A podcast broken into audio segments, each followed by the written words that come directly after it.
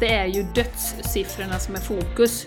Ja. Eh, om vi istället överst jättestort hade haft en räknare om att så här många har, har eh, tillfrisknat från Yes. eh, covid-19 då, som Yes. fortfarande är på tapeten. Ja. Så här många till- tillfrisknar varje dag och haft dödstalen mycket mindre, eller Ja. inte i fokus. Ja. Och jag då som också är men mental tränare som vet, det är precis samma som det här med cancer som vi pratar om, en av tre får cancer. Ja. Du skapar ju en bild i huvudet av liksom corona likhetstecken död istället för corona likhetstecken tillfrisknande. Yes. Om du inte liksom har väldigt otur eller underliggande sjukdom eller liksom någonting annat. Men, men den bilden skapar vi ju inte och bara att vi inte skapar den bilden gör ju att, att man när man väl får det kanske blir ännu sjukare då för att du likställer det med, med allvarlig sjukdom eller död.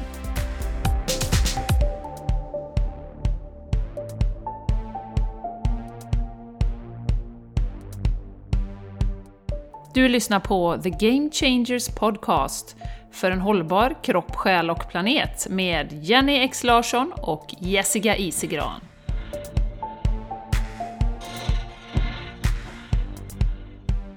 Hallå, hallå! Hej! Så glad att just du är med oss här på Game Changers Podcast. Det är jag, Jenny Larsson, som eh, är i eten eller i ditt öra och med mig har jag min underbara vän, kollega och eh, soul soulsister. Jessi- Hallå? Ja, ja, hallå, hallå. Jessica Isegran. Jessica Isegran. Yeah, there you Yes. are! Härligt! Yes, here I Ja. am. Yes. Eh, vi är så taggade för att spela in ett nytt avsnitt idag. Eh, vi kommer prata om eh, något så intressant och spännande som döden. Yes. Men innan vi går in på det så skulle jag bara vilja nämna en kul liten grej. Jag och Jessica har ju en del kontakt på Messenger och vi planerar ju eh, lite grann för våra avsnitt såklart. Och eh, synkronicitet då, nummer ett, eh, så eh, lyssnade jag i helgen på en kille som heter Lee Harris. Som är en, ja men han är en intuitiv person, medium eller vad man ska kalla honom. Och han pratade om maj, vad som kommer hända i maj och eh, lite tips och tricks som man ska kunna navigera det på bästa sätt. Och jag har följt honom en tid, tycker han är ganska bra, spännande, intressant och, och förbereda sig på vad som komma skall. Och ehm, skickade då inte den, eller jo jag skickade den till dig Jessica, det gjorde jag va? Ja, men du gjorde ju det. Du Till skickade... dig och Sara och Maja. Just Yes, yes, yes. det. Ja. Ja, och då kan jag berätta... Och vad sa du då? Ja. Jag har ju, alltså för eh, ja, tre dagar sedan hade jag inte hört talas om den här människan alls. Du har ju följt honom ett tag, Jenny, till och ifrån. Jajamän. Men Ja. han dök upp i någon Facebookgrupp jag var med i, just precis exakt den här filmen då som du har delat. Jag tänkte, ja men den ska jag titta på. Sen, det här måste jag dela med Jenny. Det är helt klockrent. Men sen tänkte jag, nej, för vi har ju skickat väldigt mycket fram och tillbaka Jenny nu och i, i, det är ju mycket som händer och det förstår ni ju säkert ni som har lyssnat på podden att Jenny och jag, det, vi går på högvarv våra hjärnor emellan och undersöker saker och läser och sådär. Så att jag kände, nej men jag skickar inte det här till dig nu. Och eh, dagen Nej. efter, då skickade du ju denna Jenny. Den här måste ni se. Och då var jag tvungen Ja. att ja, berätta då att... Exakt, exakt den av alla miljarders YouTube-videos som man kan titta på där ute. Yes. Eh, Så det var ju väldigt, väldigt roligt. Yes. Och sen så, så är det ju nu fortfarande coronatider då. Det kommer ju vara, just nu när vi spelar in är det, vad är det för datum Jessica? Jag är helt borttappad. det är fem, 3 fem, 4 maj någonting. Ja, 5 maj är det idag. Idag är det 5 maj. Ja, jag deklarerade häromdagen, jag och Martin satt och svor åt varandra. Åh. ja, eh, Ja. det är sånt som jag går igång på, deklaration. Mm. Ja. Men, men i alla fall, eh, då eh, så eh, det jag skulle säga med detta var ju att då, då var jag ute och sprang på morgonen och det är ju mycket med, med corona, det är mycket negativa rubriker, det är mycket död. Och så gjorde jag ett Instagram-inlägg om det i söndags och sen så eh, tänkte jag, när jag, jag var ute och sprang på morgonen här i, i måndags, så tänkte jag att ja, men det, jag tror vi ska prata om döden på podden för att det det, ja, men det är ju högaktuellt inom citations, det är det ju alltid. Men eh, vi behöver prata mer om döden helt enkelt. Och eh, sen gick det ju inte många minuter eller timmar innan du skickade till mig att Ja men Jenny, du, ska vi prata om döden på podden imorgon? Ja, så Ja. det var ju så roligt. Så att, så att eh, vi funderar ju på det här Jessica, om vi ska sluta med Messenger. Det tar ju bara en massa tid att liksom Ja. knappa in saker och skicka filmer fram och tillbaka. Det Precis. Liksom, Vi vet ju vi kan ju redan bara att lägga ner den. ja, den andra har redan sett det eller läst det. Det händer ju så ofta.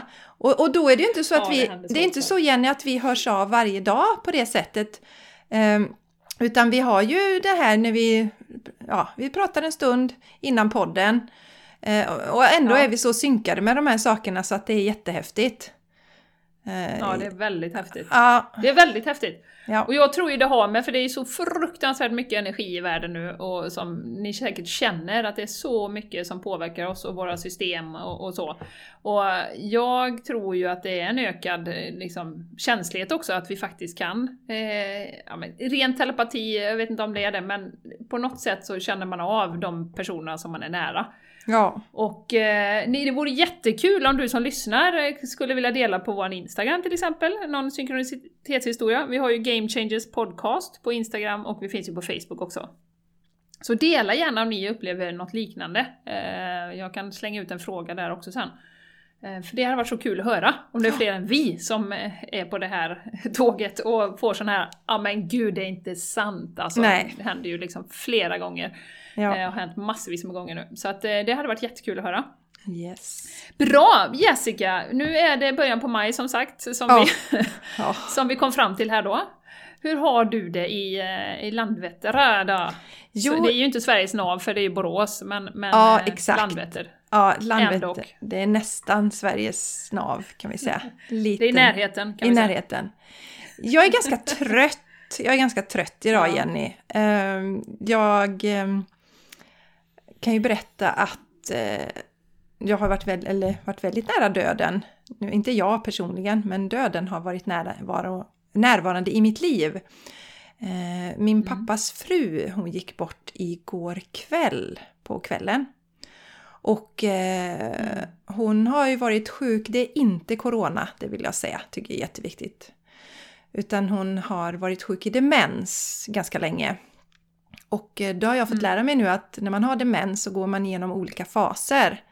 Det berättar min pappa för mig då. Att, och sen kommer det komma eh, ja, den här fasen och då det, man kommer till en fas när patienten inte vill äta eller dricka eller någonting. Och då finns det inte något mer man kan göra. Eh, och, Nej. Det, nej, och det hände då i, i lördags. Så då har man bedrivit palliativ vård, alltså som vård som bara handlar om att man ska ha det så bra som möjligt in i slutskedet så att säga. Så jag åkte dit i eh, söndags eh, på eftermiddagen och, och stannade hela kvällen och min pappa var där och min, min syster då. Det är alltså, ja, pappas fru är ju hennes mamma då så det är min halvsyster om man ska gå in på detaljer. Men det som jag tycker är så härligt Jenny, och jag vet ju, vi kommer ju prata mer om, om, om döden här i det här avsnittet. Du har ju också vakat över eh, eh, ja, över Martins mamma. Och eh, jag tänker att jag kan, jag, kan fort, jag kan gå mer djupt in på det sen, men det var i alla fall en väldigt fin upplevelse.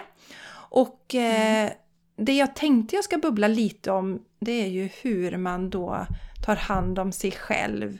Eh, vi pratar mycket om det här med självkärlek, Jenny, att ta hand om sig själv och eh, det är inte, vi gör ju det både i goda och svåra tider och när vi är i svåra tider så växlar vi upp lite. Så jag har tänkt varje morgon när jag vaknar att hur kan jag ge mig själv extra mycket kärlek idag? Och lyssna på kroppen och sådär. Och nu är jag trött för det blev sent igår då. Och sen händer det rätt mycket för mig den här veckan. Jag har, eh, jag har en del klienter, coachingklienter inbokade. Jag har eh, yoga på torsdag kväll och jag har min retreat på lördag. Där jag ju gör allt själv. Alltså jag Mm, fixar ja. maten och planerar allting och sådär. Så att det är en ganska intensiv vecka.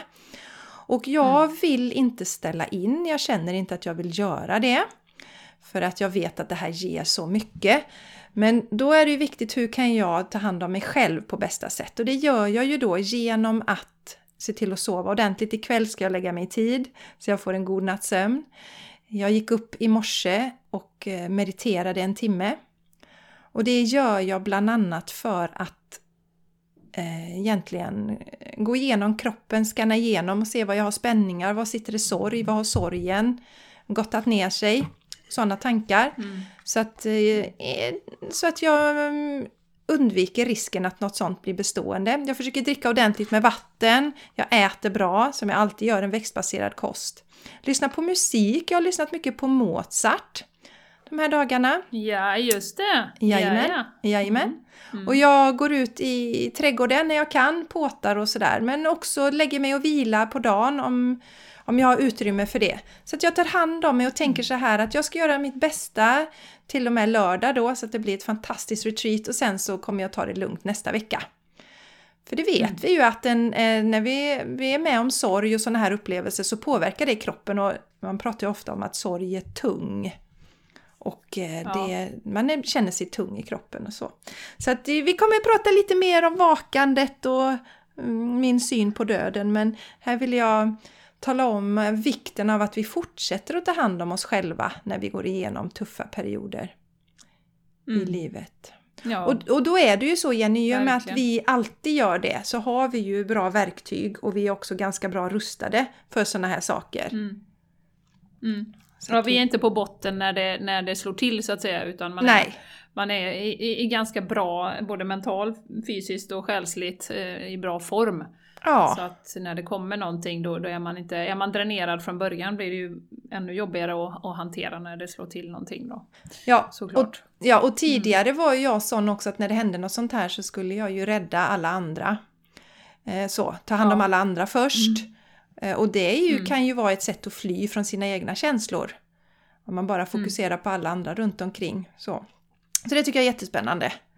Att, eh, Mm. ja. Mm. Så så är det. Och, och vad Ja. händer i eh, Spanien, Jenny? Vad händer i Ja, Spanien? Ja. ja vi, nu är vi ju, vi, vi ligger ju liksom två veckor i före det släpps så att säga. just Men vi det. har ju, vårat avsnitt släpps menar jag, så att vi, det kommer ju vara två veckor framåt. Men just nu i början på maj så får vi ju faktiskt eh, ut och motionera. Sen en vecka, ja tre, fyra dagar är det egentligen tillbaka. Så man får ut och springa, utöva individuella sporter, cykla och så. Ehm, Så att det är, känns ju enormt skönt och underbart och frihetskänsla eh, helt plötsligt då. Eh, Men jag tänkte bubbla om idag om eh, en kille som jag träffade på stranden häromdagen. Oho! Vad säger du om det? Gud vad spännande! Och Martin var inte med! Ja, det var ju mindre spännande. Han var ju med då. Så att, eh, Jaha. ja, ja. Mm. Ja, ja. Så, att så, så juicy blir det inte Jessica Nej, till, okej. din, eh, Nej, till nej. din förtret. Nej. ja till min stora Nej, det- förtret. Men det var så sjukt, för det är också, en, en, eh, också ett, ett tecken på hur intuitionen bara liksom slår till. Eh, för vi är på stranden, går med hundarna då, eh, tjejerna, vi går en promenad varje dag nu då, en lång promenad, för det får vi göra. Och eh, var nere på stranden och då var vi på en sån här liten vik så att säga, där man, man går och så går man en gata och så ner så att det är liksom, man kommer inte, det går ingen väg dit eller så, det är ganska avskilt. Så det var inte en käft där, det var bara vi och vi liksom doppar fötterna lite i vattnet och hundarna där och jättemysigt så. Så helt plötsligt kommer en kille gående och så liksom vinkar till sådär, går förbi. Eh, och eh, ser ju inte spansk ut kan jag säga. Han var 1,90 lång, lite tatueringar, lite rakat huvud och så. Så jag tänkte direkt att han måste ju komma från, vi har en militärbas här 20 minuter därifrån. Yes. Måste ju vara militär och jobba där borta då. Ja, eh, så gick han iväg lite grann, doppade fötterna lite längre bort och sen så gick han tillbaka och sa till Martin, sa du, du måste fråga honom var han är ifrån, han är ju inte härifrån liksom. Ja, men Martin höll på med tjejerna där då, för jag tänkte, ja, jag vet inte hur jag tänkte där. Men eh, så jag kunde bara inte hålla mig när han gick förbi, jag bara så här liksom Hello, you're not from here are you? Av någon jävla anledning då. Ja. Och då stannar, stannar ju han till då, pratar amerikanska och liksom börjar prata då, och vi börjar fråga och då visar det sig att han bodde ju här då Yes. i området, väldigt nära oss, typ fem minuters gångväg. Och jag har sett honom innan så här, men jag har bara tänkt att det är en militär liksom. Jag har, jag har liksom sett honom i, i, i ögonvrån sådär. Eh, och börjar prata med honom och då blir det ju direkt så här, jaha, och vad jobbar du med, vad gör du här? Och så här, ja.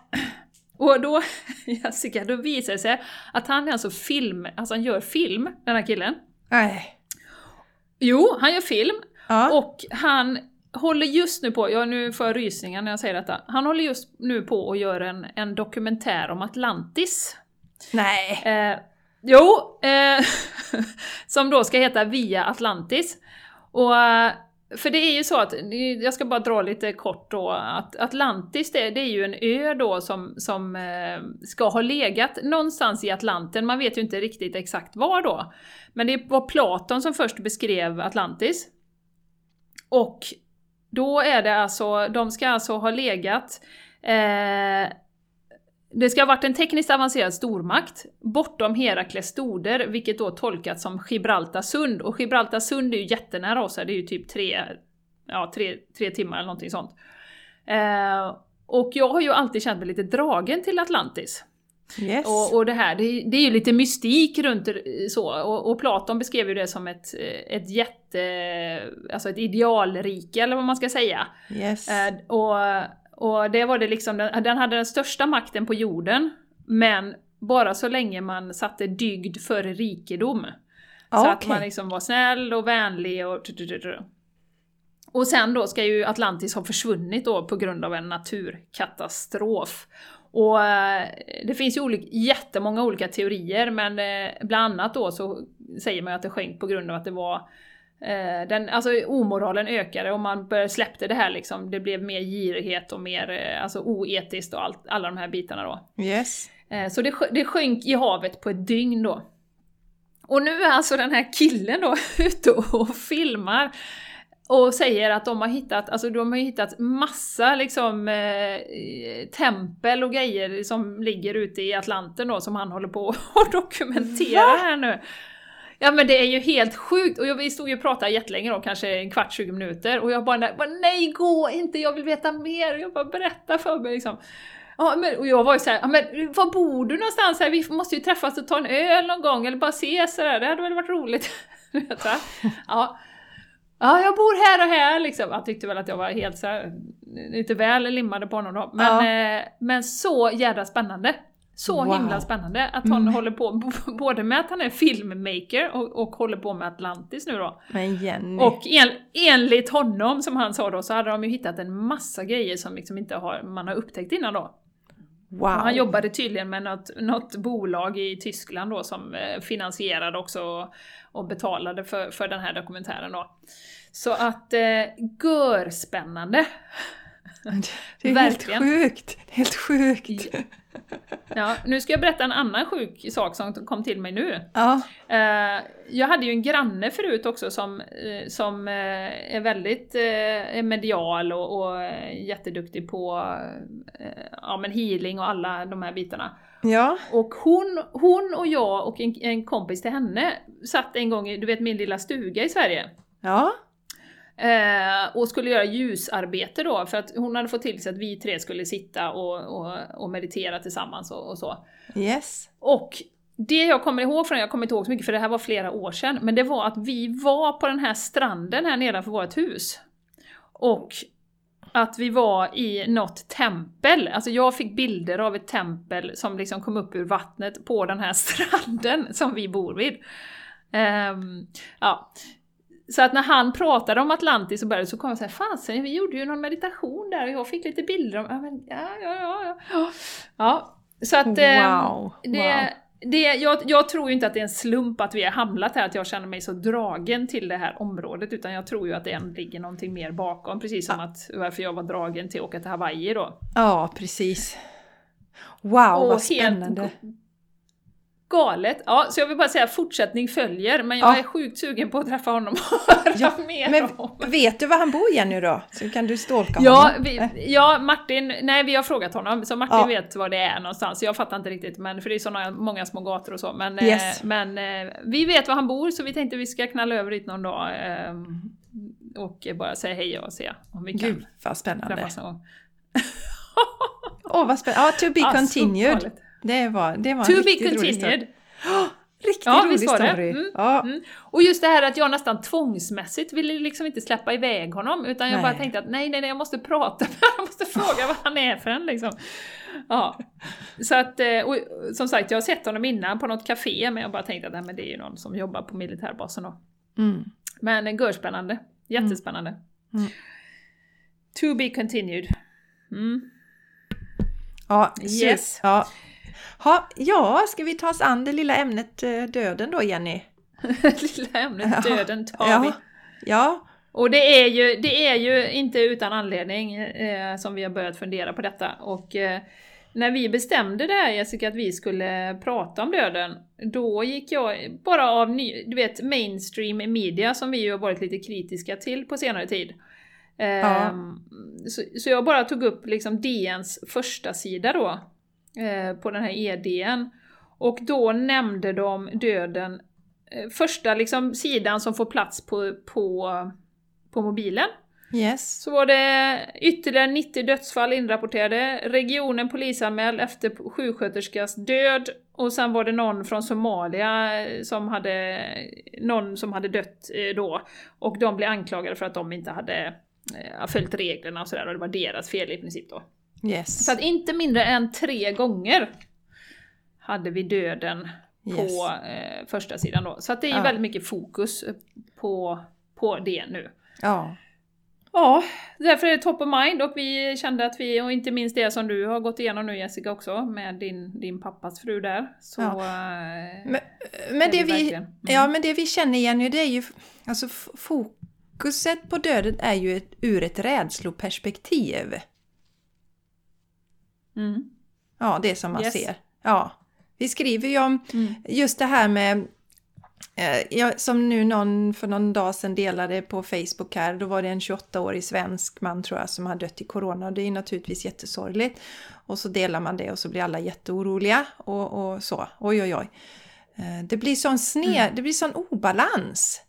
Eh, Och det är ju det man använder lite döden till också nu, till att skrämma människor. Och vi funderar lite på varför är vi så rädda för döden? Här i väst. Det är ju, Mm. det, vi är ju väldigt... Många är ju väldigt rädda för Ja. döden.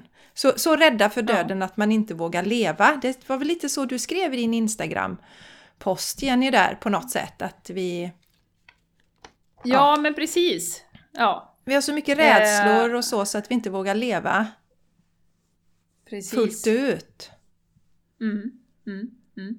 Och vi har ju lite olika... Men det... Ja, säg.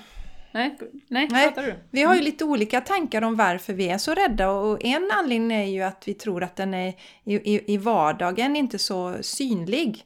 Vi, alltså om man tittar på sådana här olika filmer så är det ju mycket mördande och skjutande och sådär. Eh, Men inte Absolut. att vi, de som vi har runt omkring oss, och att vi ser ju inte döden på det sättet. Eh, Live, vi Nej. ser det på TV Nej. för mycket Mm. på, på ett skräpigt sätt, men vi ser inte det.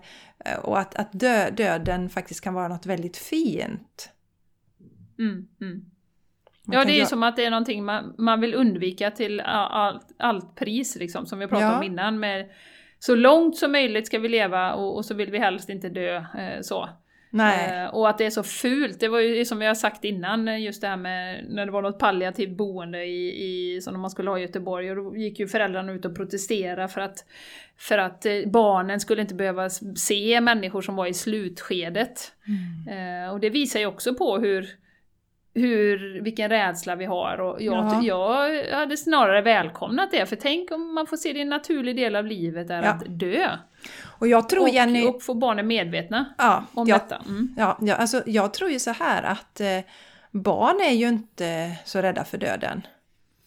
Det är, ju, det är ju vi vuxna som är livrädda för döden. Och då ska vi behöva ta deras frågor om det kommer ett sånt hem i närheten. Barn upplever jag som att ja, de är frågvisa och sen så går de och leker och sen så kommer de något annat de funderar på och så frågar de om det. Ja. Ja, Ja, det, var ju, det, det var ju som eh, nu när jag var iväg så eh, hos min pappas fru då så, eh, så Charlie kunde inte följa med eh, eftersom de inte tar in barn då. Så han "Ah, kan inte du filma och ta lite bilder tyckte han. Det tyckte inte han var något konstigt alls. Han ville se hur det såg ut. Ja, Ja. då filmade jag ju Mm. henne när hon låg där och så. så att, eh, ja, och det tyckte han var jättespännande och intressant att se och det var inget konstigt med det. Sen var det klart. Nej. Ja. Så Ja. att, ja.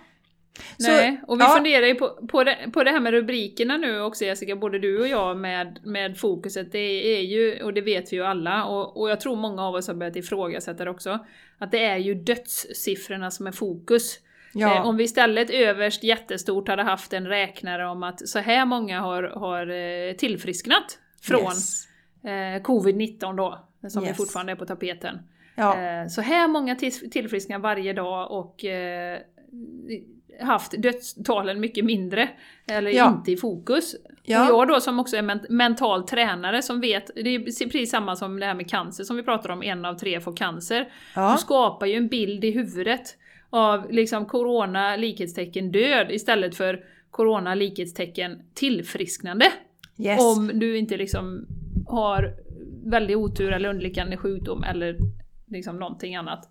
Men, men den bilden skapar vi ju inte och bara att vi inte skapar den bilden gör ju att, att man när man väl får det kanske blir ännu sjukare då för att du likställer det med, med allvarlig sjukdom eller död till och med. Ja, då. yes, det är det man ser. Så blir man rädd, man skapar rädsla och stress är ju inte bra för vårt immunförsvar.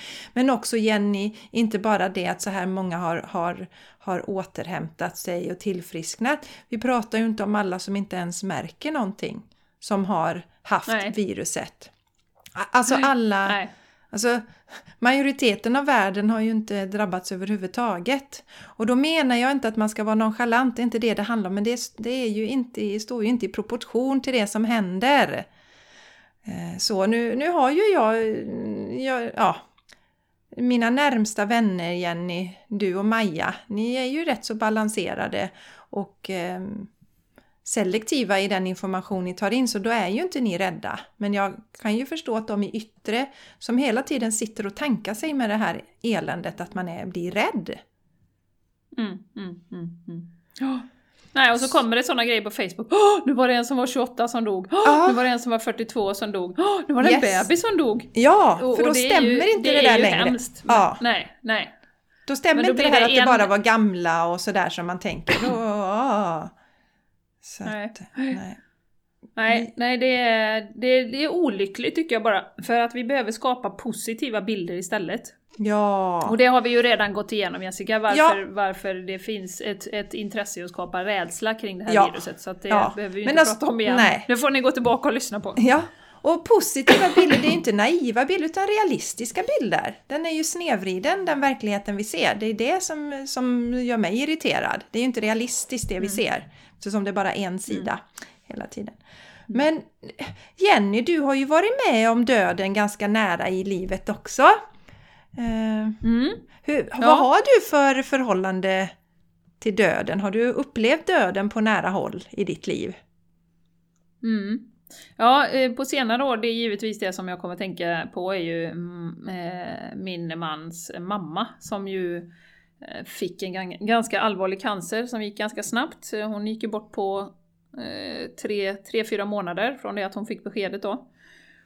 Och eh, vi eh, gjorde ju det valet, eh, jag har ju säkert berättat om detta för länge sedan, eh, men att hon var, skulle vara hemma hos oss istället för att ligga på sjukhus då. Ja. Så hon var hemma hos oss under Eh, Eh, ja, i runda slängar en månad tror jag i slutskedet där precis. Och hade då, vi hade då ett palliativt team som kom hem till henne. Och hon var ju jättesjuk eh, då och hade starka smärtstillande och, och sådär. Men hon... Alltså den tiden, ärligt talat, det var... Eh, att se liksom när Linnea och Malva går in och sätter sig med farmor och, och hon berättar olika saker och hon... Hon var ju väldigt noggrann så här att hon inte skulle lämna ett... Eh, vad ska man säga, massa grejer efter sig och ingen visste vad det var och sådär. Så hon satt ju och märkte upp sina smycken och sådana grejer, vem som skulle ha vad och sådär. Oh. Och ja men, då fick ju, ja men då fick ju barnen sitta med där och, och hon berättade lite historia. Den här köpte vi där och den eh, köpte vi på den här resan och den har jag fått av den och den. Och hon berättade väldigt mycket ja, men minnen och, och så. så att, och att se det och att ha henne där, eh, det var ju det var ju fantastiskt eh, kan jag ju säga i, i, i efterhand här nu, och det var det då också. Och vi kände att det var ju det enda rätta att göra. Ja. Egentligen, att ha henne hemma hos oss. Ja. Eh, sen, sen, blev hon ju jättesjuk och, och sista veckan då fick hon ju in på sjukhus då. Yes. Eh, och vi var ju med henne, min man var ju med henne när hon gick bort och vi var med henne dagen innan. Eh, och hon var jätteglad i huvudet, berättade massa minnen och, och fantastiskt. Och, eh, jag kommer ihåg jag sa, för jag visste nog, sista gången jag träffade henne så visste jag att nu kommer jag inte träffa henne mer. Eh, så jag sa inte hej då, jag sa bara att vi, vi ses igen sen Barbro, liksom. vi, vi ses igen sen. Ja. Eh, och bara höll hennes hand och det var, ja. Och sen att Martin var med henne, det var ju också jätte, jätte, jättefint. Ja, Så att, verkligen. eh, mm. Men det det som Ja. du berättar om just det här med att det blir en tillfälle att, att prata minnen och eh, titta tillbaka på. För vi, alltså om man har levt, det är ju lite skillnad också Jenny tänker jag. Det här handlar ju om människor som ändå har levt ganska långt liv. Eh, att Absolut. eh, då eh, höra deras berättelser och fundera tillbaka och ja, det går att göra det till något väldigt vackert den här stunden och sen naturligtvis så blandas ju det med sorg. Eh, Men eh, Mm. det, är, det, är, eh, det är en del av livet och jag tror att å, även där att har man inte upplevt det så kan man ha svårt att förstå att det kan vara en vacker del också i det hela. Mm. Hur nu För- upplevde du det på väldigt, väldigt färskt här Jessica. Hur, hur, hur var det för, för dig nu då, det sista här med, med din pappas? Jo, men det För, var för du var där igår. Ja, precis. Och jag var ju där...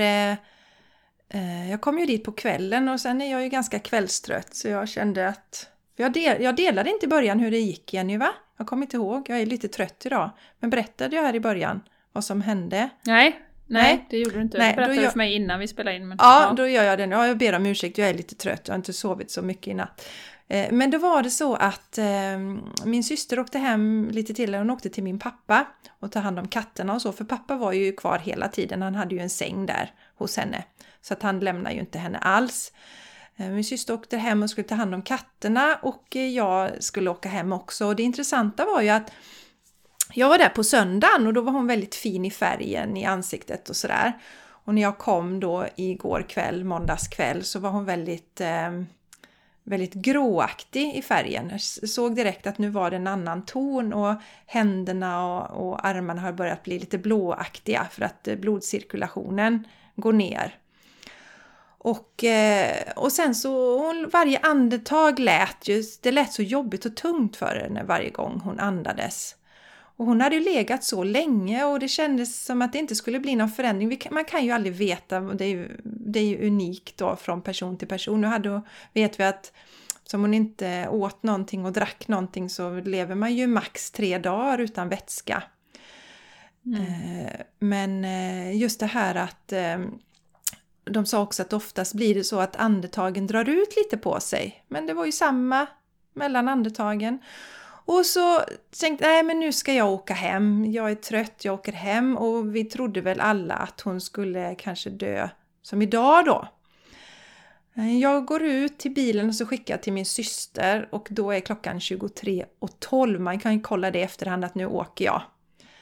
Och så åker jag hem och det tar 20 minuter för mig att köra hem ungefär. Precis när jag svänger av motorvägen så ringer min syster och säger att hon har gått bort då. Mm. Och det är alltså åtta minuter efter jag har lämnat. Eh, pappa klockar ju det då, då klockan var ju 20 över 11. Och vi, vi pratade om det, vi kände alla tre att det var... Eh, hon ville att det skulle vara så. Att eh, hon Mm. och pappa skulle ha den stunden för, för sig själva. För när jag gick, då gick pappa på toaletten. Och sen så gick han ut och skulle sätta sig med något protokoll. Han håller på att ansvara för golfen och sådär. Så att han har en del att stå i. Tänkte han skulle sätta sig med Ja. det då bredvid henne. Det var ganska sött så. Och då kom det två sådana djupa suckar. Och sen så var det ett längre uppehåll så tror jag det kom en andning till. Och sen var det, var det slut då. Och då satt ju Mm. pappa kvar en god stund med henne själv innan han sa till personalen för att han ville ha den här stunden då med henne. Och jag kände att eh, hon, alltså hon väntade tills jag hade gått.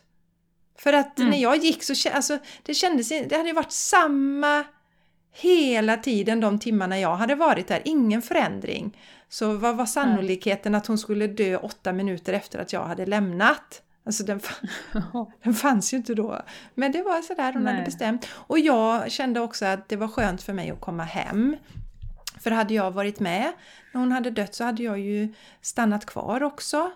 Eh, då Ja. brukar man ju göra ordning den som har dött och eh, kanske Mm. lägga en blomma och sådär, tända lite ljus och så, göra lite vackert. Och då hade jag ju kommit hem eller fått köra hem ännu senare. Till exempel. Så att ja, det var, det var någon mening med det. Och sen så var det ju, vi hade ju några timmar där, vi satt ganska länge på söndagen, min pappa, min syster och jag då och pratade och skrattade och pappa spelade i sin favoritmusik. För, eller han och Mm. hans frus favoritmusik då. Och vi pratade minnen och, och de som vårdar är ju helt fantastiska. Eh, var det en som var väldigt intresserad av att höra hennes historia och så delar man henne, eh, den här sköterskans livshistoria också. Så att det, ja, det är vackert. Jag tycker att det är vackert. Och naturligtvis Mm. så blandas det ju med sorg också. En eh, overklighetskänsla och som vi pratade om också för hon ha- hade ju det väldigt, väldigt tufft eftersom hon var dement och det var en hel del lidande mot slutet. Så har man ju blandade känslor för en del av en vill hålla kvar och den andra delen vill ju också släppa taget. Mm. Ja. Det, det vill man Ja. ju på något sätt. Men jag tycker att Ja. det, var, ja, det är en fin upplevelse och jag har man möjlighet att vara med nära och kära som, som är i slutskedet av livet så ta den möjligheten. Mm. För det gör det också lättare att förstå när man har sett personen eh, dö. Eh, Mm. Rent intellektuellt. Jag tror att det gör sorgarbetet lättare. Mm. Ja, och just som du säger Jessica, att, att verkligen göra det till något vackert. Att vi har så liksom, det är hemskt och det ska undvikas till varje pris. Eh, Jag kommer ihåg Julie Pyatt pratade ju om det när hennes pappa gick bort i någon podcast. Ja, Hur, eh, hur fin ritual hon hade gjort av det med ja, men nu vackra blommor och eh, gjort det jättefint och alltså gjort det till en jätte, jättefin stund istället. Och det är klart, det gör väl många så, men, men just att ha den inställningen att, att verkligen ja. ja. men göra det till något speciellt. ja. Och, Och, inte kämpa mot med näbbar och klor. Nej. Liksom. Nej, och just pra- och prata mer om det och det är därför vi väljer att prata om det också för att vi pratas ju väldigt lite om de här sakerna.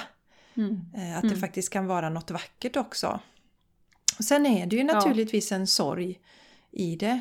Det, det är klart Ja, det är att klart att det är. Ja. Ja, nej men det finns ju många som har eh, liksom dödsångest eller som är, är rädda för döden och, och eh, dels som sagt så tror jag att det är det här med eh, med att vi, eh, det är något fult liksom, det ska skuffas undan. Eh, Men sen är det ju också, vi pratade lite här innan Jessica, om man kan ju vara rädd för sin egen död, att man själv ska gå bort liksom, Ja. och, och lämna det här livet. Men också andra då, jäm, liksom, när, närstående då. Ja, Och eh, det som, som jag funderar på då och som jag skrev i mitt inlägg också eh, är ju, på, som jag gjorde på Instagram där om döden för att det är så top of mind nu. Eh, det är ju om inte dödsångest och livsångest går lite hand i hand då. ja, För att, för att det, det, liksom, det ställer ju liksom på sin spets lite grann, så lever jag verkligen som jag vill göra? ja, Eh, och kommer jag liksom hinna, få, våga göra det som jag vill? Och det är ju det som man ofta är rädd för då, tror jag. Att man inte hinner. yes. Det som vi pratar om jättemycket Jessica. Vi jobbar häcken av oss till vi är 65 och sen ska vi hinna med Yes. allting som vi vill göra när vi har blivit pensionärer. Ja, Eh, ja. Och det är klart, det blir ju en ångest i det då. Jag Ja. vet, eh, Martin har, någon, Martin har någon kollega faktiskt som eh, "Åh, ja, jag ska gå i pension till när jag är 55 och då ska allting vara kirrat och jag ska ha sparat pengar och jag ska liksom eh, all set för att... Så, hon är väl, ja men typ våran ålder, 45 någonting nu då. Yes. Ehm, och det är klart att då är det inte så kul att dö när man är 47. Nej. Eh, om du ska göra allting efter du är 55. Mm. Um, medans liksom, det, det som jag delade på, på Facebook var ju också ett citat att liksom, men, men lever du fullt ut och gör precis det som du vill göra och följer ditt hjärta eh, så Alltså egentligen så har du, du har ju inget att förlora, du har gjort det du har kunnat med dina dagar. eh, Om Ja, man säger så. ja. Ja, verkligen. För Ehm. vi har ju ingen garanti heller. Precis som vi har ju ingen garanti. Vi vet ju inte hur länge vi lever. Och det är ju rätt eh, ledsamt om man, som du säger Jenny, att om människor tänker att man, när jag går i pension ska jag göra allt roligt. Så kanske man går Mm. i pension när man är 65 eller 67. Så kanske du lever tills du är 80 då. Tänk vilken Mm. liten del av ditt långa liv som du har levt. Det är ju väldigt, Mm. väldigt tragiskt. Mm, mm, mm. Ja, väldigt tragiskt. Och, och just det här med att, att eh, det här som vi pratade om, dödsångest, livsångest. Jag var inne och Ja. kollade lite på en, en psykolog som har skrivit lite om detta och, och som menar då att eh, många av de här, alltså Ja, är det någon annan som, som ska gå bort, eller du är rädd för att dina närstående ska gå bort, då är det ju liksom att du är rädd för att bli övergiven. Ja, Men hon menar också att den här döds och livsångesten slash rädslan är ofta en svårighet att vara i nuet. yes. För att, och det har ju vi tjatat om höll jag på att säga, men det pratar vi ju jätteofta om. Eh, för att jag menar, är du närvarande då är du inte i tanken på liksom vad kan hända när jag blir äldre och vad kan hända och vad skulle hända om jag gör det, vad skulle hända om jag gör det. Eller åh, tänk om jag skulle dö, tänk om jag skulle dö i corona, liksom, usch vad fruktansvärt, tänk om jag skulle få det, oj då blir jag jättesjuk. Ja, Eh, Medan är man i nuet, då har du ju inte de tankarna på framtiden. Nej. Eh, Så att, så att om det är någon här nu som, som lyssnar som känner att ah, men jag har jättestark ångest för döden, liksom, jag tycker det är eh, fruktansvärt. eh, Så menar ju den här psykologen att ett av de bästa sakerna man kan göra är ju att öva upp sin närvaro. Mindfulness, vad vi nu vill kalla det. Att verkligen vara närvarande och leva sitt liv fullt ut. Ja, Jenny. Eh. Och i, idag i allra högsta grad att inte leva sitt liv vid en skärm då. Att, att sitta och, och mata, just det men man tänker på om man är livrädd för corona just nu då, att mata sig själv med coronaångest hela tiden. Utan stäng av det där och gå ut utomhus, gör något roligt. Jag lovar dig, när man håller på där och påtar i trädgården då, då finns det inget utrymme för det där att tänka på. Nej. Dem. Utan då får man ha fokus på det man gör. Så att eh, det är jätteviktigt, jätteviktigt. För ibland kan det vara svårt, Jenny, men vad då leva i nuet? Men det handlar ju, kan ju handla om att göra praktiska saker bara. Fysiska, praktiska saker med kroppen. Absolut. Ja. Att tvätta. Ja, och den här... Ja, Ja, ja men du vet. hon hade ju en, en ganska bra övning den här psykologen också som hon sa att eh, man kan öva den förmågan genom att ta en promenad och du har ingen klocka på dig och du har ingen tid som du ska passa givetvis, du har ingen mobil med dig eller någonting. Utan du bara går ut och går och är ute så länge som du vill. Ja. Och stressar inte till någonting. Är det något intressant, stanna och titta. Eh, titta dig omkring på allting som är vackert och titta på träden och lyssna på fåglarna och sådär. Mm. Och just att man inte hela tiden, för det, det är ju någonting som vi håller på med, att checka klockan, hur länge har jag varit ute nu? Eller hur Ja. många kilometer har jag gått nu? Om man nu har stegräknare eller om man... Just det, just det. så är vi ju obsessed med det. Eh, Ja. så, utan verkligen eh, bara gå en promenad för att gå en promenad och utan Ja. att bry sig om hur, hur långt det är. Vilket Eh, ju kan, kan låta. Ja, vilket ju kan låta enkelt men ju kan ju vara då i vissa fall svårare än vad man förstår. Och eh, då kan man ju checka in lite på sig själv hur, hur, hur svårt man har med det eller inte. Om man är, Mm. om det blir jättesvårt det där att gå ut, då kan man ju också få en liten eh, vink på hur bra man är på att vara närvarande. Men det låter som ett jättebra sätt att öva upp närvaro. Ja. Sen har vi också det här med, med samhället jobbar ju lite emot oss här Jessica, det pratar ju vi ofta om. Eh, samhället premierar ju att liksom, vi ska förnya hela tiden och något annat, eh, vi ska sträva framåt och vi ska ha mer och så vidare. Just. Eh, Det är ju liksom ingen, ingen marknadsföring som, som siktar på att ja, men var nöjd liksom, med det du Nej. har. Och bara... ja, men liksom, du har ett skitbra liv, var nöjd med det du har, titta på allting du har. Bara var i det. Mhm. Det är ju inga signaler runt omkring oss i, eh, vare sig på, på internet eller på TV eller någonstans som säger att man ska bara vara nöjd med det man har. Eh, så att eh, det, det jobbar ju lite grann emot oss också, hela paradigmet att vi ska sträva hela tiden. Ja, Och samla mer saker och skaffa den här, skaffa den här ögonfransarna så kommer allting bli bra eller skaffa den här bilen så kommer det minsann lösa sig. Åh, Så att, verkligen. eh, ja. mm. Och så det det, ju- jobbar ju lite grann emot oss Ja. här. Men det gäller ju att vara medveten om det då. Ja, och det är ju också en del av det som tar oss ytterligare bort från nuet då, för att då är det kanske att vi, ja, vi vill ha det där jobbet för att vi ska tjäna de pengarna för att vi ska kunna ha den där bilen, eller vad det nu är som vi strävar efter mm. hela tiden. Som gör att vi ja, jobbar precis. mer än vad vi kanske egentligen behöver göra. Mm. Ja. Eh, sen behöver vi ju slänga in i det här Jessica också med, med döden. Eh, det här med hur vi ser på eh, alltså livet i stort och livet efter döden. Om vi tror att det finns något liv efter döden eller ja, om vi absolut det. inte tror det. Nej. Eh, hur, på, hur påverkar det eh, en potentiell dödsångest? Ja. För att det är klart att om man då, som, som både du och jag tror att, att vår energi på något sätt lever ju vidare eh, i all oändlighet. Vi ja. har bara tagit ett skal nu tillfälligt för vi ska lära oss lite grejer här eh, på jorden.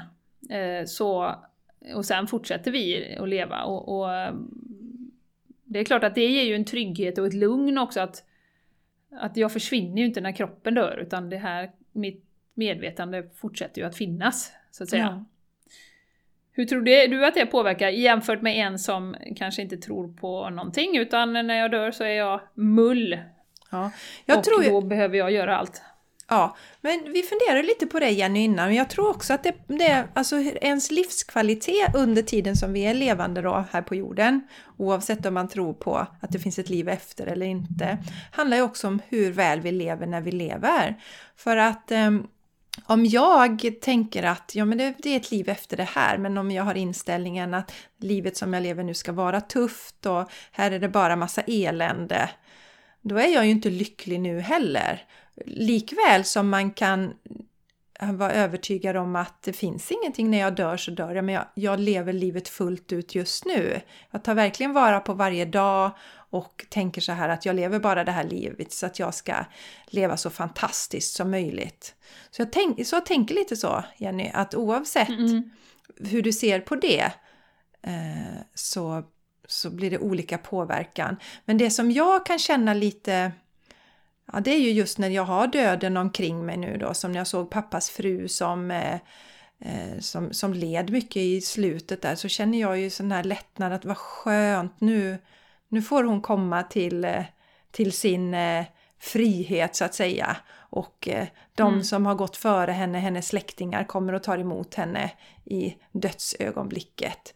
Så att jag, tycker, jag, jag känner att det blir så himla positivt i det också. Och det gör ju att jag inte ser döden som en så mörk eh, händelse utan att jag i en hel del fall tänker att, eh, att den människan faktiskt får det mycket bättre nu. Den enskilda mm. personen. Sen blir det jobbigt för oss som är kvar som känner saknaden för vi är ju människor och har mänskliga känslor och sådär naturligtvis. Men eh, jag Eh, med min övertygelse så, så går ju inte jag att ha katastroftänk varje gång jag ser att någon dör. Sen kan jag tycka att det är lite skillnad om det är ett litet barn som dör eller en yngre människa eftersom det får andra konsekvenser då. Men mm. jag vet ju mm. att den personen som går bort, den, den får ju det bra ändå. Mm. Det är min ja, övertygelse precis. helt enkelt. Just det. Det är, mer, det är ju för de som blir kvar runt omkring som sagt. Ja. Som det blir jobbigt för. Mm. Ja. Vad tänker du mm. Jenny kring det med om man tror på ett liv efter detta eller inte och hur det påverkar? Nej men jag tror ju att ett, eh, det är precis som du säger, det är ju en personlig aspekt i det hela. Så, så att eh, det, det är ju den livskvaliteten du skapar varje dag, eh, som sagt, oavsett din tro. Sen tror jag att man kan ha ett annat lugn, precis som du säger, att man, man har ju en annan inställning till eh, om någon går bort. Och jag, jag har ju den synen också att, att liksom, Alltså skulle någon gå bort eh, i... Alltså, jag tycker också det är fel att säga liksom för tidigt. För, för att vi, ja. det är åter det här, leva länge. Eh, ja. Liksom, ja, vi, vi väntar oss till att bli 83 då kanske, ja det är snittet i Sverige då, eller vad det är för kvinnor. Ja. Eh, och, och, alla som går bort tidigare än 83, det är liksom, ja det var för tidigt, och särskilt om du är 40-50 årsåldern. Mm. Men om du har levt ett pissigt liv och du bara kämpar och bara väntar och liksom varenda dag är en kamp. Eh, versus om du har liksom verkligen fyllt dina dagar med precis, liksom följt ditt hjärta, gjort det du vill göra, eh, sagt till dina nära och kära att du älskar dem, liksom inte hållit på någonting sånt som är väldigt viktigt. Mm. Eh, som jag tycker då. Så egentligen, för mig finns det liksom inget för tidigt i, i det, mm. om du förstår vad jag menar. Och det, det kan ju låta väldigt sådär, vad ska jag säga, känslokallt eller vad, jag vet inte, jag har inte rätt ord för det. Men, Men om du, Jenny, jag tänker på ja. om det finns barn och så med i bilden då, små barn som förlorar sin förälder. Ja, mm, mm. ja men jag tror, nu får, får vi bli filosofiska här då, men jag, jag tror ju att eh, Alltså vi går ju igenom olika saker på jorden. Ja. För att vi ska utvecklas, tror jag. Och eh, då har vi liksom signat upp för olika saker vi ska lära oss eller gå igenom för att vi ska utvecklas. Eh, och, och då som barn då, om du är barn och blir av med en förälder, eh, ja men då har du på något sätt liksom signat upp för den, den eh, eh, upplevelsen och det kommer påverka dig på ett visst sätt som, som du, ja det beror ju på vad man gör av det då. Men, men många vittnar ju om att de mest traumatiska upplevelserna, Jessica, det vet ju både du och jag, blir ju det som stärker oss allra mest. Ja. Eh, om du får en sjukdom eller om du får en eh, eh, ja men någon går bort som du säger eller vi, vi drabbas av någon, något trauma. Ja. Eh, sen, sen är det självklart så att jag slänger inte det i ansiktet på, på, på någon som precis har någon som går bort. Men jag tror om vi tittar på ett paraply, med ett paraplyperspektiv så är vi här för att lära oss olika saker och då, då ingår ju döden eller att förlora närstående i det också. Mm. Och vad vi gör av det, eller när vi får en sjukdom eller vad det kan vara, vad vi gör av det är ju hur vi hur vi utvecklas och hur vi kan bli starkare. Mm. Um, så att... Mm. Uh, sorg, sorg sen, och vi ju, är en del av livets, livets skola helt ja, enkelt. Ja, precis. Mm. Och, och, sen är det ju som sagt, jag lyssnade faktiskt på en, en kille som sa, han hade precis varit nära döden på Rich Roll podcast nu. Um, jättefin kille som har skrivit en bok om självkärlek och hur han vände sitt liv bara genom att älska sig själv, eller bara genom att älska sig själv, men han var nära att ta livet av sig och så um, vände han det. Och, och, han... Jag vill bara ge perspektiv på det jag säger med att det finns lärdomar liksom i allting, men han hade precis haft en nära döden upplevelse, han hade en, en aorta som hade sprängts. Och så eh, opererades han, det blev inte bra, och sen blev det akutoperation igen och han höll på att stryka med i princip då. Men kom tillbaka. Och, då sa ju Rich till honom så att ja men det här, det här kommer ju vara någonting som, som kommer, du kommer kunna skriva om sen, för han var ju författare då. Eh, du kommer kunna skriva om det här och dela med dig av dina liksom, lärdomar och erfarenheter. Men han, han sa ju bara, ja tror du det? Liksom. Han bara var så inne i all den smärta han hade upplevt. Ja. Eh, så, så, att han var liksom inte där än, och det är det jag menar, alltså, det går ju inte att slänga det i, i ansiktet på någon liksom, men det här händer för att du ska lära dig saker. men, Nej. men vi måste också komma ihåg att samtidigt som jag tror att vi är, liksom, vi är själar som är här för att utvecklas, så är, har vi också en mänsklig aspekt. Så vi, vi som människor blir vi ju ledsna, förbannade, arga, känner smärta. Liksom alla känslorna på ett register liksom. Såklart ja. när det händer och saker, så är det ju. Ja. Eh, men vi vet ju också att så många som, som är med om traumatiska händelser som vänder till något väldigt, väldigt, liksom, ett väldigt lärande helt enkelt som ja. de tar med sig sen resten av livet. Ja. ja men som du, jag tänker på dig med din lunginflammation till exempel, det ändrar ju hela ditt liv. Absolut. Det var ju inte så att du, ön, du önskade ju inte en lunginflammation. Liksom. Nu ska vi se här på min vision board här, ska jag skriva upp en lunginflammation, för då kan det bli bra sen, då kan jag hjälpa andra människor sen med ja. kosten och med yoga och liksom. Ja, och immunförsvar och sånt där liksom. Att ja. få dem att bli medvetna om det, att vi faktiskt har ett jättestarkt immunförsvar om vi tar hand om det. Nej, exakt. Ja. ja. Visst är det så. Så det har vi ju pratat pratat om innan. Eh, så att, eh, ja, det, ja, men jag vill bara liksom ur ett paraply större perspektiv, ett, ett mer övergripande perspektiv så ser jag ju det så. Ja, och Jenny, eh, Jenny, och det är ju så att vi kastar ju inte alls det här i, i ansiktet på någon. Att skulle det vara någon som har mist sitt barn så säger jag ju inte att det är en lärdom för dig. Alltså det, Nej, det är inte min, det är inte min roll att säga det. Eh, så. Och, eh, men däremot så eh, gör det att jag betraktar ju världen på ett annat sätt och livet och det som händer som, mm. som känns bra för mig, så att säga. Mm. Nej. Nej, och det, men det är ju mer bara en medvetenhet om att alltså våra prövningar och utmaningar kan bli de största liksom, uppvaknanden, det kan vara det som liksom, utvecklar oss mest. Ja. Eh, och i det stora hela generellt sett så vittnar ju jättemånga människor om att det är så Ja. för, för många. Ja. Så att, eh, det, det är mer det att ha det lite grann i bakhuvudet och, och, och det är därför jag också tycker att det är så det här med att säga att någon går bort för tidigt eller så. Att det, ja, men det handlar ju om livskvalitet.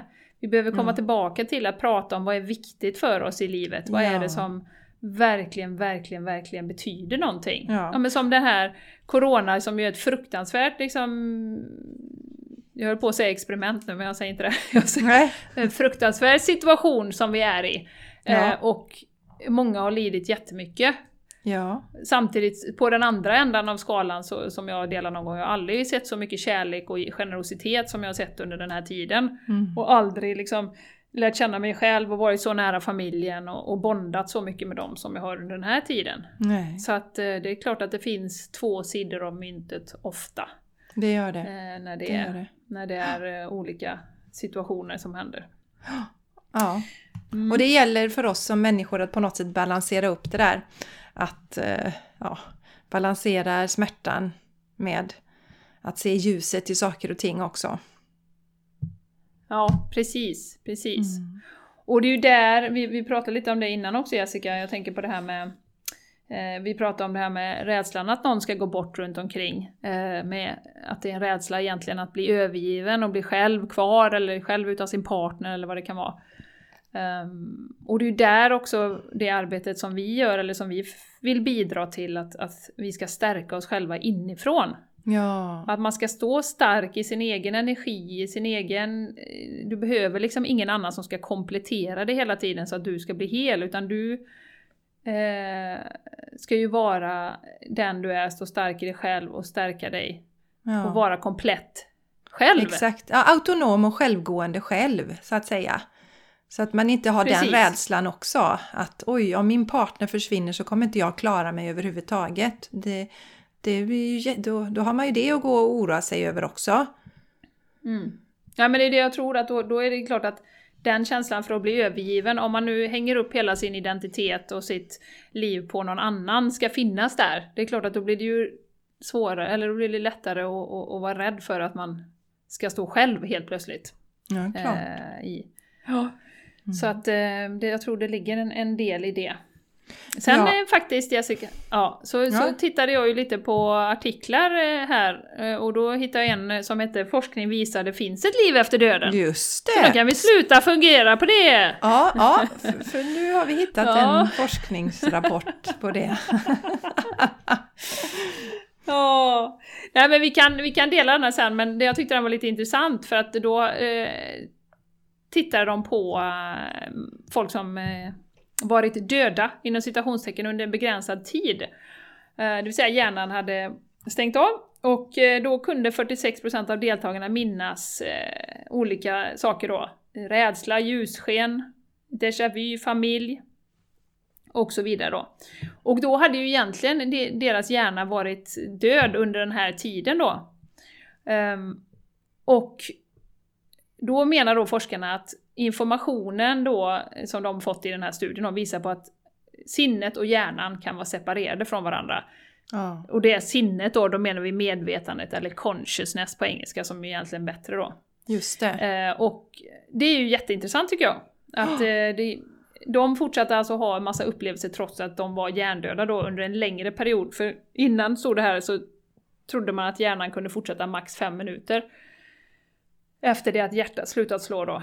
Yes. Eh, men de har då varit döda, kliniskt döda längre än så utan att deras hjärnor har tagit skada då.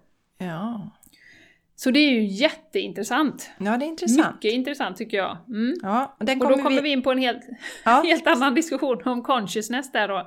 yes. Medvetande, eller det som du och jag säger, alltså vår energi, vår själ. Yes. Eh, som har fortsatt trots att hjärnorna inte har fungerat då. Ja. Ja, Eh, det... Men consciousness, det, det är kanske ett rabbit hole som vi får dyka ner i eh, på en det får annan vi ta en annan gång. Men däremot, Jenny, det- så kan vi Det finns ju en databas som du hade kollat på där med nära döden-upplevelser.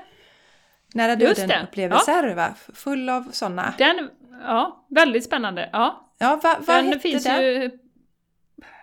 Jag tror den heter NDE, jag får kolla upp det, Near Death Experiences. Men eh, Yes. de har ju samlat eh, runt eh, 4700 upplevelser från människor som har varit döda då.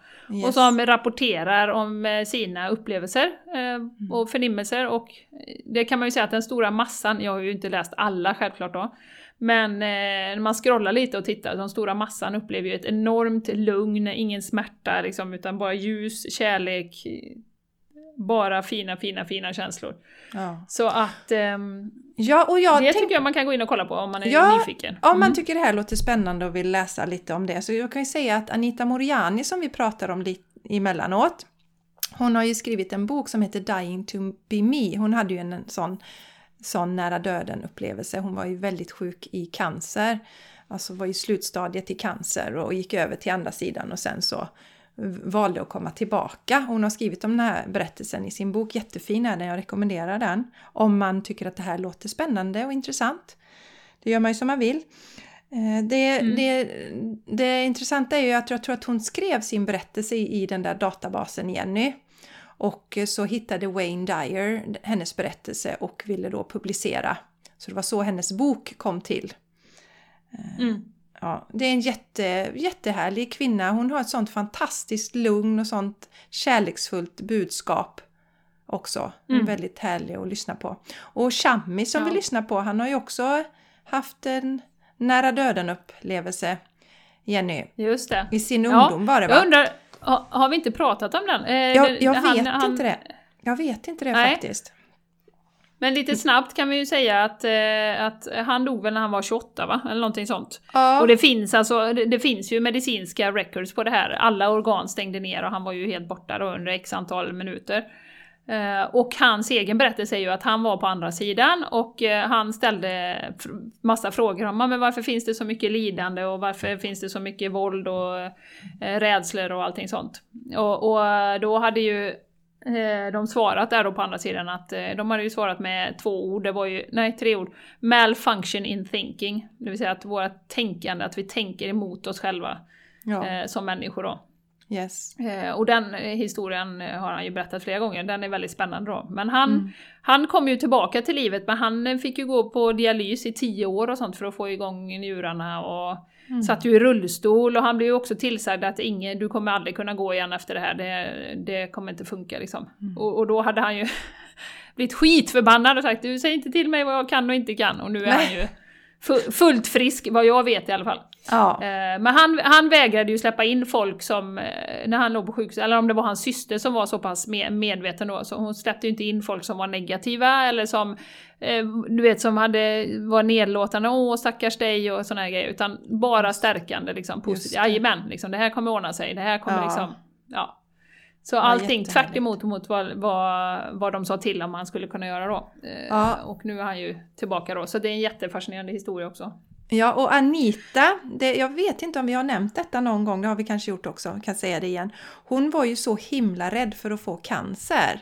Hennes bästa väninna gick bort i cancer, jag tror jag nämnt det här innan. Men hon var ju så himla rädd. Hon åt fantastiskt bra mat utifrån rädsla då att oh, jag måste äta det här annars så kommer jag få cancer. Och så fick hon ju cancer. Så hennes eh, övertygelse är ju att hon fick cancer i, i hennes fall då utifrån den rädslan hon hade och att hon Mm. inte eh, älskade sig själv tillräckligt då eh, på det sättet att hon inte tog hand om sig själv, satte sig själv i första rum, såg till att göra sånt saker som gjorde henne lycklig. Så det var hennes lärdom från den här upplevelsen då. Ja. ja, fantastiskt. Och det styr ju rakt in på det som vi sa i början. Att fokus, vi måste vara så noggranna med vårt fokus, vad Ja. vi fokuserar på. För det vi fokuserar på ser vi ju bara mer och mer och mer av. Ja, Så att fo- fokus på positiva saker, på ljus framtid, fokusera på alla som blir friska i det här viruset, fokusera på hur du vill ha det framöver, fokusera på det som är viktigt för dig.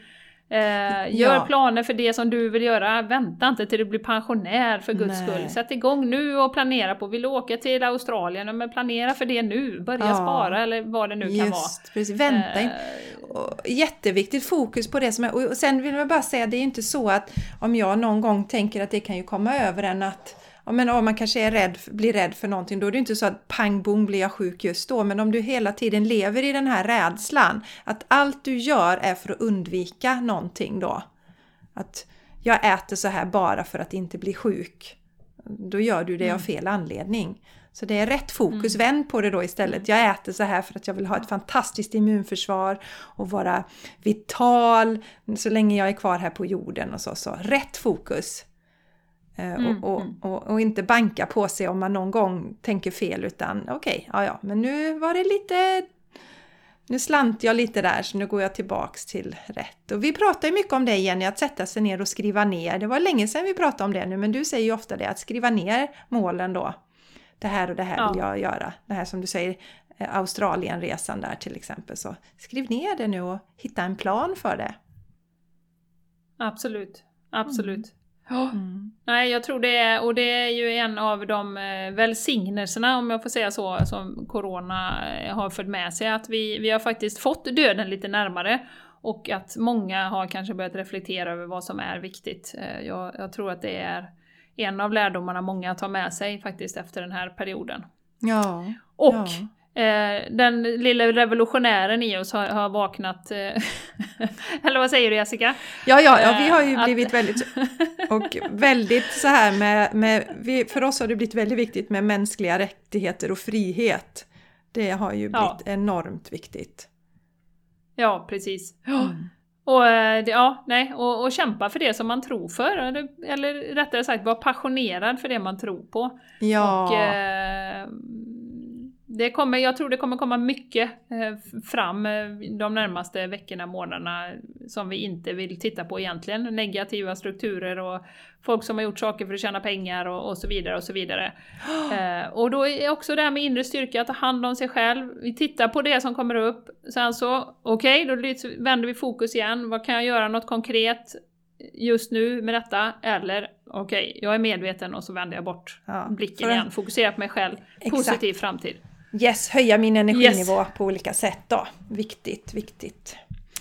Ja! Viktigt! Ja, vi skulle nog kunna prata om döden ett par timmar till tror jag. Det skulle vi kunna Och, göra Jenny. ja, det skulle vi kunna. Men jag tror vi sätter punkt där Jessica. För det att gör eh, nu vi. har vi... Eh, ja, och eh, så får vi väl spinna vidare på. Vi får väl se om vi kommer in på det här med medvetandet någon gång. Det, det är, ju, det är ju ingen kort podd heller. Nej, nej, den är också spännande. Vi har ju pratat lite om vad är Gud, då kom vi nog in på det lite, men medvetande är också spännande att prata om Jenny. Eh, mm. Innan vi avrundar, var hittar man dig förutom eh, i Spanien just nu Jenny då, om man vill eh, hooka upp med dig?